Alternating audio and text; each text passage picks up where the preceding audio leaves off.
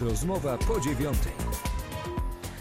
5 minut po godzinie 9 rozpoczynamy program. Rozmowa po dziewiątej w Radiu Zielona Góra.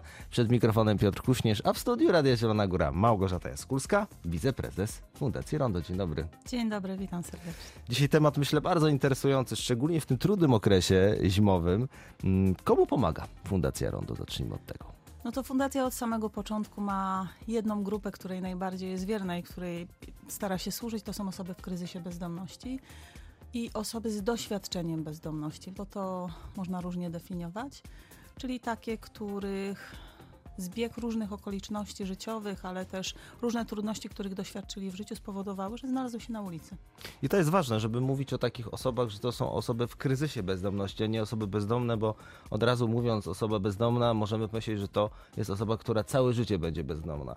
To jedna sprawa. Druga jest taka, że każdy z nas może zostać osobą z kryzysem bezdomności i o tym właśnie chciałem porozmawiać w kontekście mitów. Jakie są najczęstsze powtarzane mity dotyczące osób funkcjonujących w kryzysie bezdomności? No tak, no w naszym środowisku też organizacji, które ma, pomagają osobom w kryzysie bezdomności, rozmawiamy o tym, że po pierwsze to jest kryzys, który można przezwyciężyć.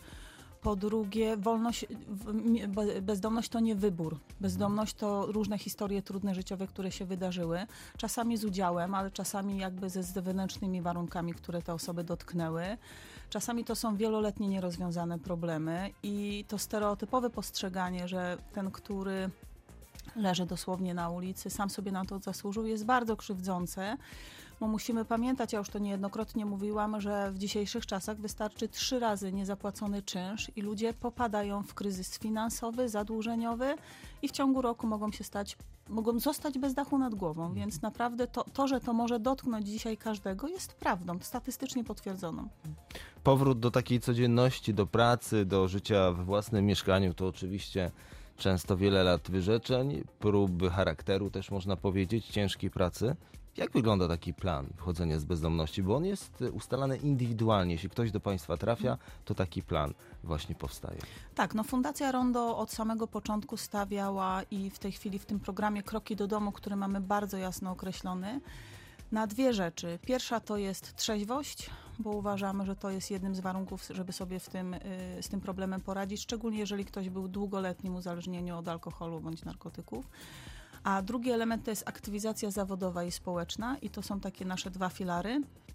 Zasada jest taka, że osoba, która przychodzi po pomoc, no, najpierw kierujemy ją na do stacjonarnego ośrodka, później rozmawiamy o tym, że my potrafimy im pomóc w momencie, kiedy oni są już trzeźwi i mogą skorzystać na przykład z Centrum Integracji Społecznej i tam jest doskonała współpraca. To jest po prostu świetne narzędzie aktywizacji zawodowej i bardzo mocno pomaga osobom stanąć na nogi, znaleźć pracę, w ogóle odzyskać wiarę, że jestem coś wart jako pracownik.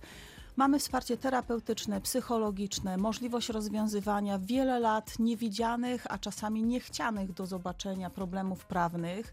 I myślę, że to, co jest też taką mocną stroną w, w rondzie, to jest takie budowanie wspólnoty. To jest też nasza misja, że my z osobami w kryzysie bezdomności próbujemy budować wspólnotę, czyli takie relacje, żeby ludzie mieli siebie nawzajem. To nie jest tylko kadra, która pomaga, ale to są mieszkańcy, którzy do siebie dzwonią, odwiedzają się i chcą, żeby każdemu się udało.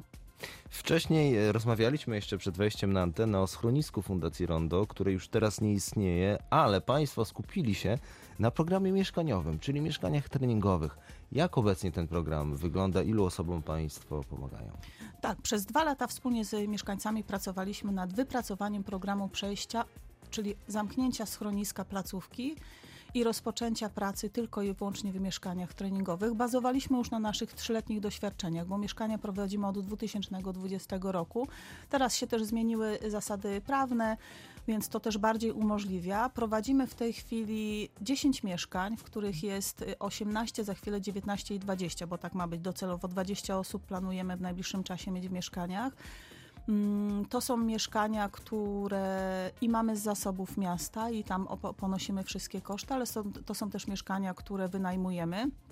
Zasada jest taka, że osoby partycypują w kosztach utrzymania, więc to też daje im taki trening finansowy, że no, życie nie, nie, kosztuje to wszystkich nas i naprawdę osoby w kryzysie bezdomności niczym się nie różnią, ale to też jest systematyczny kontakt z asystentem, czyli stałym, stałym, stałą osobą, która jest do monitorowania, wspierania, czasami trochę do kontrolowania, ale bardziej uczymy się, żeby ta sprawczość była po tamtej stronie.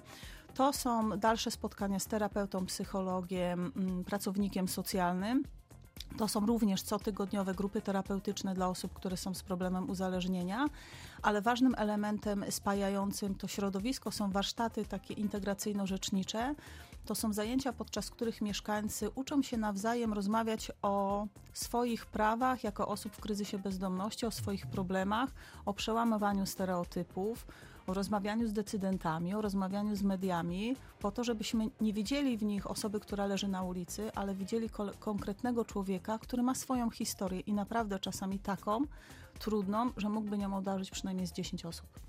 Mówiliśmy o programie mieszkaniowym, ale to nie wszystko. Powiedzmy jeszcze, jak funkcjonuje dom sąsiedzki, bo to też jest kolejna Państwa inicjatywa. Tak, no dom sąsiedzki to dla nas jest teraz niesamowite miejsce. My je po pierwsze powołaliśmy wspólnie z parafią świętej Jadwigi i z grupą Aliwia, spółdzielnią socjalną. I po pierwsze to jest taka partnerska relacja między trzema podmiotami, y, która nas rozwija, służy i dodaje skrzydeł. To jest miejsce, które z założenia miało służyć społeczności lokalnej, ale rozpoczęło się od intensywnego wsparcia Ukrainie i właściwie w tej chwili mamy już tej, tego wsparcia dużo mniej, bo część osób wyjechało, część osób już się u, u, gdzieś sa, samodzielnie funkcjonuje. Bardziej jest teraz takim miejscem integracji tych osób. Mamy jeszcze język polski dla nich w dalszym ciągu, ale to jest też miejsce takiej integracji międzypokoleniowej, międzyproblemowej, międzypotencjałowej, bo tam robimy bardzo różne rzeczy. To są wspólne śniadania po sąsiedzku dla seniorów dla nas o tyle ważne, że przychodzą tam i seniorzy z społeczności lokalnej, ale uczestniczą w tych śniadaniach też nasze osoby, które są w tej chwili starsze na mieszkaniach. To, so, to jest możliwość organizacji różnego rodzaju warsztatów tematycznych i artystycznych, i muzycznych, i, i koncertów. E, no trochę Był taki koncert nasz dom Przemka społeczny. Szczotki, prawda? Ostatnio tak, jeszcze. Tak, świąteczny, przed, przed tak. Przemek Szczotko prawda? to też jest przyjaciel naszej fundacji i, i też tam bardzo chętnie z nami współpracuje. Mm, ale to też jest miejsce, gdzie mamy porady prawne i psychologiczne, zarówno dla osób w kryzysie bezdomności, ale też dla osób z całego miasta, jeżeli takiej pomocy potrzebują, więc na Facebooku Dom Sąsiedzki można zobaczyć miesięczny harmonogram. Trochę się tego tam dzieje. Zapraszamy, jak ktoś by chciał skorzystać. To oczywiście też w ramach projektu Współgospodarze Centrum Poradnictwa Sąsiedzkiego. Tak, program finansowany z FIO. Kończy nam się czas, ale obiecałem jeszcze, że porozmawiamy o 1,5% podatku dla Fundacji Rondo. Proszę powiedzieć, jak można przekazać pieniądze ze swoich podatków, wspomóc państwa. Tak naprawdę nic nas to nie kosztuje, a możemy komuś pomóc. Tak, no serdecznie zapraszamy. Jeśli ktoś jeszcze nie ma swojej ulubionej organizacji, której pomaga, to my jesteśmy również organizacją pożytku publicznego. Planujemy te pieniądze w tym roku przeznaczyć na zabezpieczenie osób w kryzysie bezdomności senioralnych, po to, żeby mogły normalnie mieszkać na mieszkaniach, partycypować w kosztach i nie iść jeszcze do DPS-ów, bo są naprawdę w dobrej formie fizycznej, ale też na uruchamianie kolejnych mieszkań, bo wiemy, że tego będzie potrzeba jeszcze więcej. E, no a że wiemy właśnie, że przez stereotypy bezdomność jest jednak tą ostatnią potrzebą, którą ludzie się zajmują, to gdyby ktoś poczuł jakiś zryw serca, to zapraszamy i do 1%, ależ do, do współpracy do kontaktu z fundacją. Jesteśmy otwarci na różnego rodzaju rozwiązania. My rozmawialiśmy o temacie poważnym. To na koniec jeszcze pytanie dotyczące dzisiejszego święta. Tłusty czwartek. Ile pączków dzisiaj pani zje? Nie wiem ile zjem, ale dla wszystkich naszych uczestników i współpracowników i mieszkańców mamy zaplanowane 40. Zobaczymy, kto zje najwięcej. Ja słyszałem, że my też dzisiaj rozdawaliśmy w naszym porannym paśmie pączki. Jedzmy z umiarem. Chyba jak wszystko w życiu wymaga umiaru. No i pomagajmy sobie, rozmawiajmy, to jest bardzo ważne. E, dziś gościem rozmowy po dziewiątej w Radiu Zielona Góra była pani Małgorzata Jaskulska, wiceprezes Fundacji Rondo. Dziękuję. Dziękuję bardzo, do usłyszenia. A rozmowę przeprowadził Piotr Kuśnierz. Miłego dnia. Rozmowa po dziewiątej.